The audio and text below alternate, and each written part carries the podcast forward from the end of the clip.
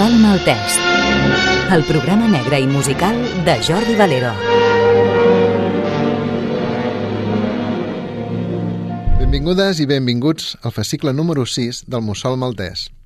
Aprofitant que Sabadell està a punt de celebrar-se el Sakura Matsuri 2023, un festival per apropar-nos a la forma de vida i la cultura japonesa, el fascicle d'avui està dedicat al noir made in Japan – us proposo fer un tastet de novel·la negra japonesa perquè us animeu a provar-la. Clar que, per parlar en propietat, no hauríem de dir novel·la negra japonesa, sinó novel·la de misteri i de ficció policial, doncs els dos aspectes solen coexistir en les seves trames criminals.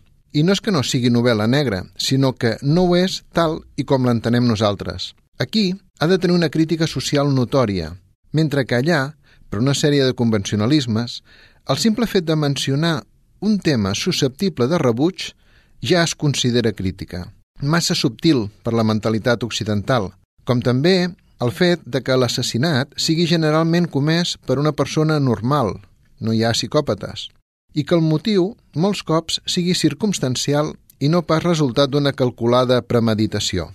Sempre és difícil definir, però, si tinguéssim que identificar els trets més rellevants de les novel·les policials japoneses, tindríem, per una banda, que sovint hi ha girs en la trama que poden arribar a capgirar qualsevol de les idees o teories que ens hem anat formant a mesura que avança la lectura. I això s'aconsegueix perquè les trames estan molt elaborades. Tot està pensat al mil·límetre i, per tant, la lectura demana molta atenció als detalls. Les trames solen ser molt inquietants, i és que en la quotidianitat s'amaguen les pitjors pors. I així, algunes novel·les solen passejar-se per la fina línia que ens separa de lo inexplicable o sobrenatural. I no és gratuït, doncs els japonesos no només no pensen com nosaltres, sinó que tampoc senten com nosaltres. Així, tot allò que afecti l'honor d'una persona, d'una família o d'una empresa, ja siguin temes de relacions de diferent classe social o de corrupció i les seves conseqüències, són aspectes sovint presents en els seus arguments. En això, el noir japonès és diferent a l'occidental, doncs suposa reptar el lector a qüestionar els seus propis valors i creences anteposant-los als dels protagonistes incloent uns finals amb un fort missatge moral i a vegades fins i tot allisonador. Uns valors i unes creences basades en uns rígids principis de protocol social que fan que l'individu es pugui arribar a sentir-se sol i aïllat davant de determinats problemes. I el no poder expressar sentiments en públic, tot s'ha de passar per dins, doncs de portes en fora tot sembla respectuós i en l'interior de cadascú hi ha turbulències que poden esdevenir erupcions volcàniques. Potser per això, sovint, s'atorga el paper de qui du la investigació i el de la persona investigada a ments amb gran capacitat analítica i resolutiva. Us deveu pensar que avui m'he oblidat de la música. No us amoïneu. Ara escoltarem un tall de la cançó Seeker, de Hiromi Uehara. La Hiromi és nascuda el 26 de març de 1979, de signe Àries, i és una compositora i pianista de jazz japonesa coneguda arreu per la seva energia en les interpretacions i per la seva virtuositat a l'hora de barrejar diferents gèneres musicals. Si coneixeu una mica el món del jazz, us diré que va tocar amb el pianista de jazz fusió Chick Corea, i us asseguro que es nota, i que va ser tutelada pel també pianista Amat Jamal, un músic innovador i minimalista.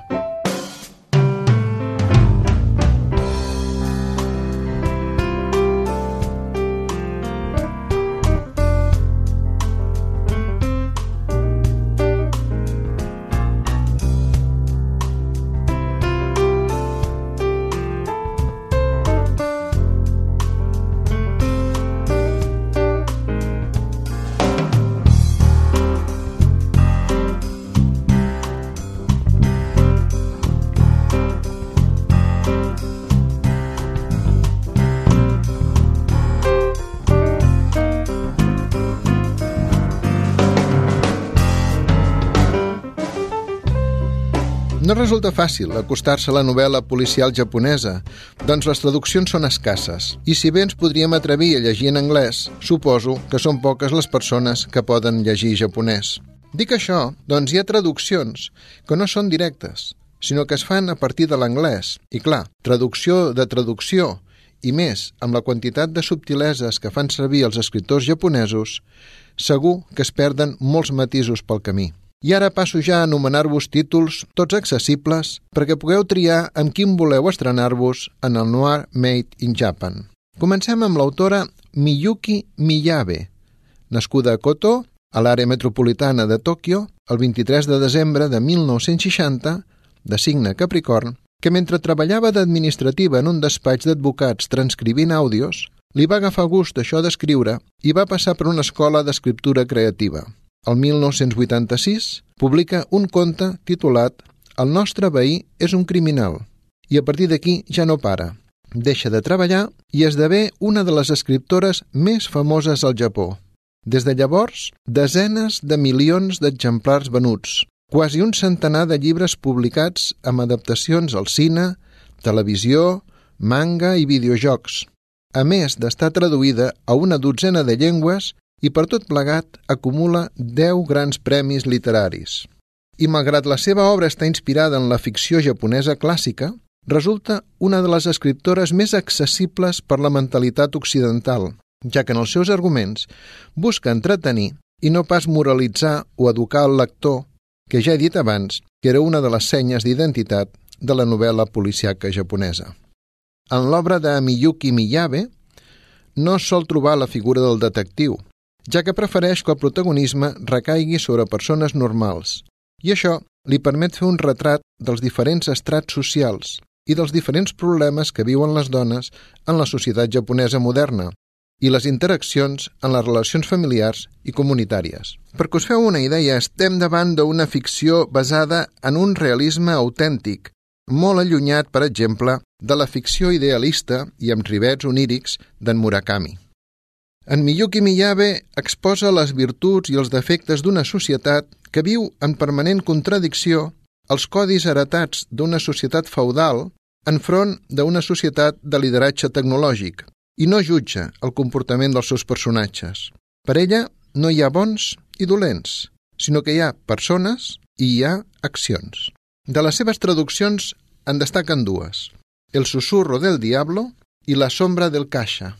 I d'una autora passem a una altra. En aquest cas, Masako Togawa, nascuda el 23 de març de 1933, o sigui de signe Àries, i morta el 2016. La Masako Togawa va ser una dona molt activa culturalment, doncs va desenvolupar carreres simultànies com a cantant de cabaret, actriu de sèries i pel·lícules de televisió i cinema, on també va ser coguionista, va exercir de tertuliana de televisió, d'assagista de sociologia i escriptora premiada per les seves novel·les policiaques que han estat traduïdes a nombrosos idiomes. I si toca un tall musical, res millor que fer-lo escoltant la Masako Togawa interpretant A quoi ça sert l'amour, ja que tenia una especial predilecció en fer covers de cançons franceses que cantava al cabaret. 恋をしても 何になるの？何のために？恋をするの？恋するのは素敵なこと。恋するのに訳はいらない。恋をしたら苦しむだけ。恋をしたら悲しむだけ。悲しいくらい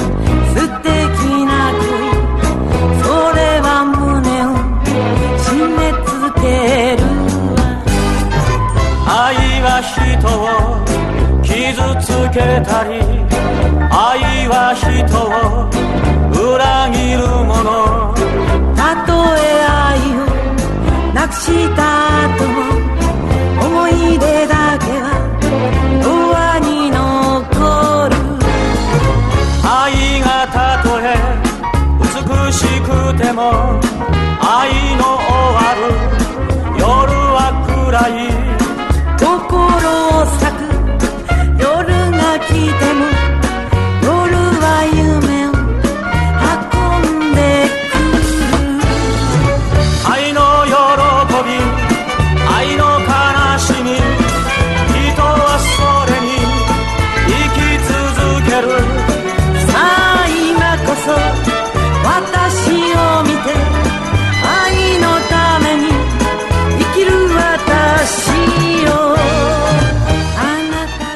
Potser per aquesta vida tan exuberant, les novel·les de Masako Togawa són tan riques en matisos.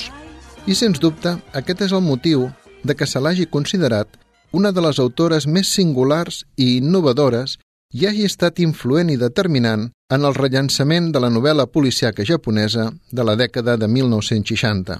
D'ella cal llegir, sense cap mena de dubte, tant La llave maestra com Lady Killer. Són dues novel·les completament diferents una de l'altra, però els dos arguments són fascinants, amb trames intimistes i alhora asfixiants. I ull als girs de la trama, que són d'aquells que trenquen la cintura. I ara serà el torn de parlar-vos de Natsuo Kirino. Natsuo Kirino, que és el pseudònim de Mariko Ashioka, neix a la ciutat de Kanazawa el 29 d'octubre de 1951, de signe escorpí, és llicenciada en dret i també és una autora que ha destacat entre les escriptores contemporànies del policial japonès, aconseguint sumar ja nou importants premis amb només 13 novel·les publicades, fet que li ha valgut que la crítica americana la novel·li La reina japonesa del crim. La seva obra s'ha traduït a 28 països i destaca per anar més enllà de les convencions del gènere, doncs ella sí que entra en el terreny de crítica social d'una forma crua, sense pal·liatius, per oferir-nos una visió d'un submón social real, tot i que soterrat pels aspectes tradicionals de la fèrria moral japonesa. Imprescindible llegir la seva novel·la Out, una obra força colpidora que no només va suposar una gran commoció entre els lectors japonesos, sinó també en els dels altres països on s'ha publicat. L'autora exposa d'una forma esgarrifosa l'horror quotidià de les condicions socials, econòmiques i familiars d'unes dones treballadores i parteix d'un fet criminal per oferir un retrat psicològic de les diferents protagonistes al temps que fa una clara denúncia de la misogínia. Abans de continuar, us poso un altre tall de música. Aquest de la pel·lícula El lagarto negro, i després sabreu per què.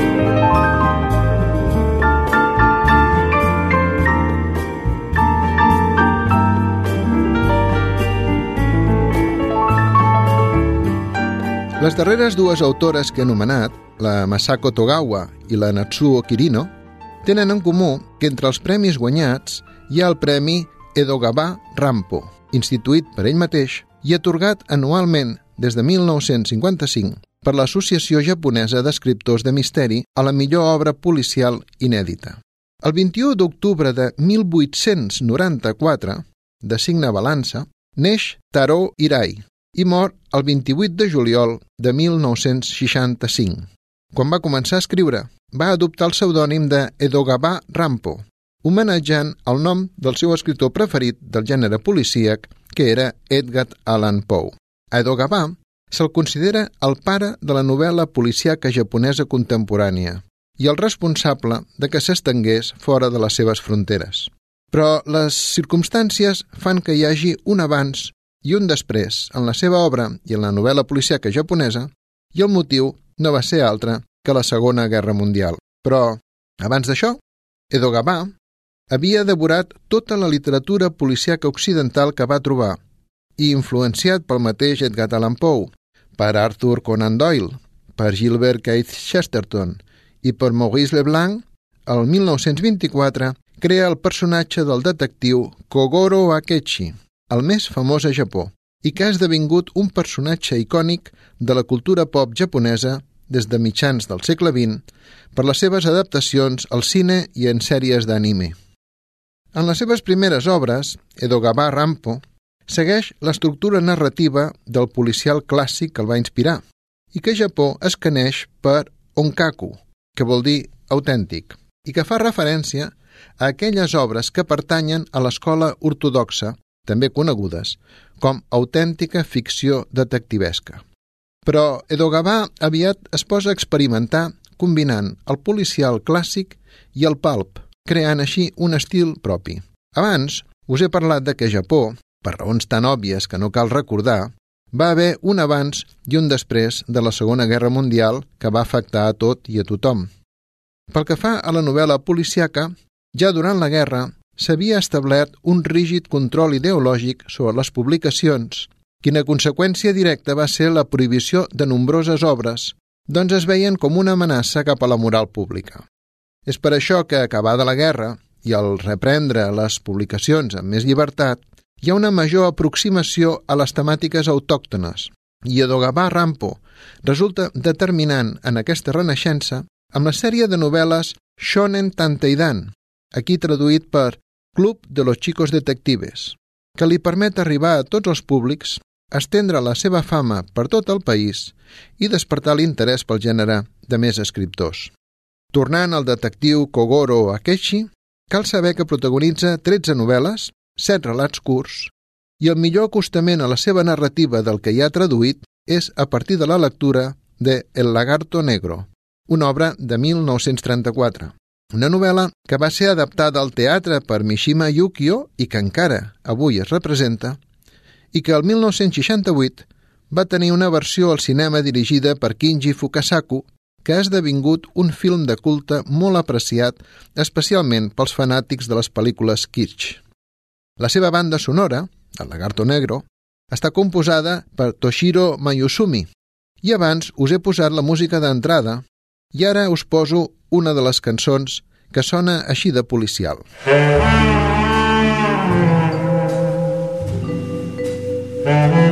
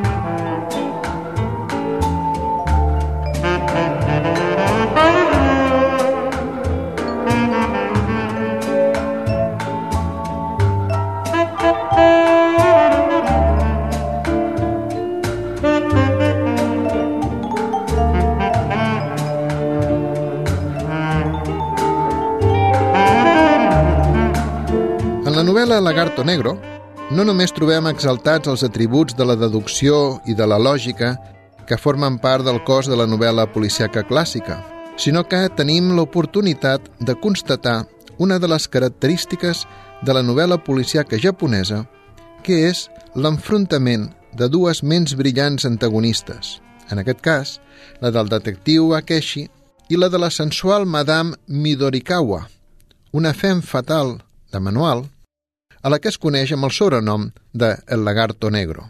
I si el gènere criminal va haver de reinventar-se després de la guerra, el jazz japonès tampoc ho va tenir fàcil. A la dècada de 1920, el jazz arriba a Japó de la mà de les orquestres americanes i filipines que toquen en els creuers de luxe que hi fan escala. El jazz desperta la curiositat dels músics locals que ràpidament assimilen els elements musicals del gènere i els integren en el seu repertori. I a mesura que el jazz va assentant-se, hi van sortint noms propis, bàsicament a Kobe i Osaka, el 1927 els governs d'aquestes dues ciutats prohibeixen la seva interpretació, ja que la veuen com una representació dels valors estatunidencs i una invasió del territori japonès. Això no impedeix que el 1933 s'obri el cafè Chigusa, a Osaka, el que serà el primer de molts altres cafè de jazz de Japó, aconseguint mantenir així viva la música en directe. I si això passa abans de la guerra, imagineu-vos durant i en acabar-la. El jazz és música enemiga i, per tant, proscrita. I no serà fins la dècada de 1960 que tornarà a ressorgir amb certa força. Vull recordar a Masabumi Kikuchi, un pianista i compositor de jazz, nascut a Tòquio el 19 d'octubre de 1939 i mort el 2015, que va conèixer aquest gènere musical comprant discos de segona mà que havien deixat els soldats americans. Així és com va descobrir les interpretacions de Duke Ellington i Thelonious Monk i va tenir clar que volia ser pianista. Totalment autodidacta, supleix el seu desconeixement tècnic desenvolupant un llenguatge propi de forma que composa la música d'una manera molt diferent al mètode convencional. A més, té un comportament quasi zen amb l'instrument fins al punt de convertir-lo en una extensió dels seus pensaments, de les seves meditacions i fins i tot dels seus sentiments. La seva música és ell, i ell és la seva música. Us recomano moltíssim que escolteu, això sí, en un moment de recolliment, l'àlbum After Hours, de 1994, on només està ell i el piano reinterpretant coneguts estàndards que heu escoltat moltes vegades, però mai els haureu sentit com si poguéssiu entrar en la seva essència. La versió de My Favorite Things és com tocar el cel amb els dits. Ara us poso un fragment d'una peça instrumental d'un altre àlbum, més comercial, però igual d'interessant. Quin títol traduït seria En quarta via.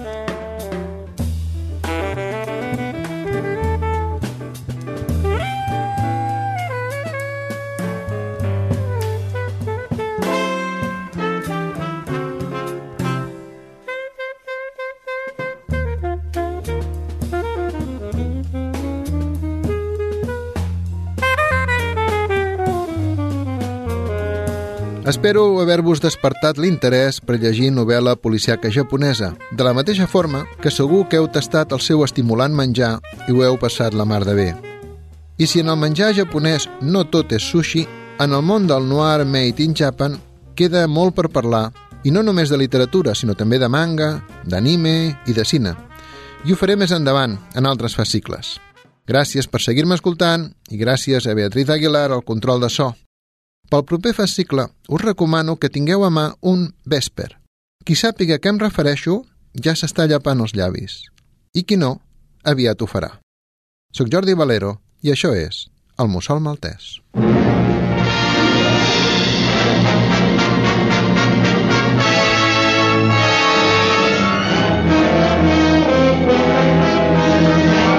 Recordeu que podeu escoltar tots els fascicles del Mussol Maltès a la web de Ràdio Sabadell 94.6 i també a les principals emissores de podcast. Per qualsevol comentari podeu adreçar-vos a jordivaleros.gmail.com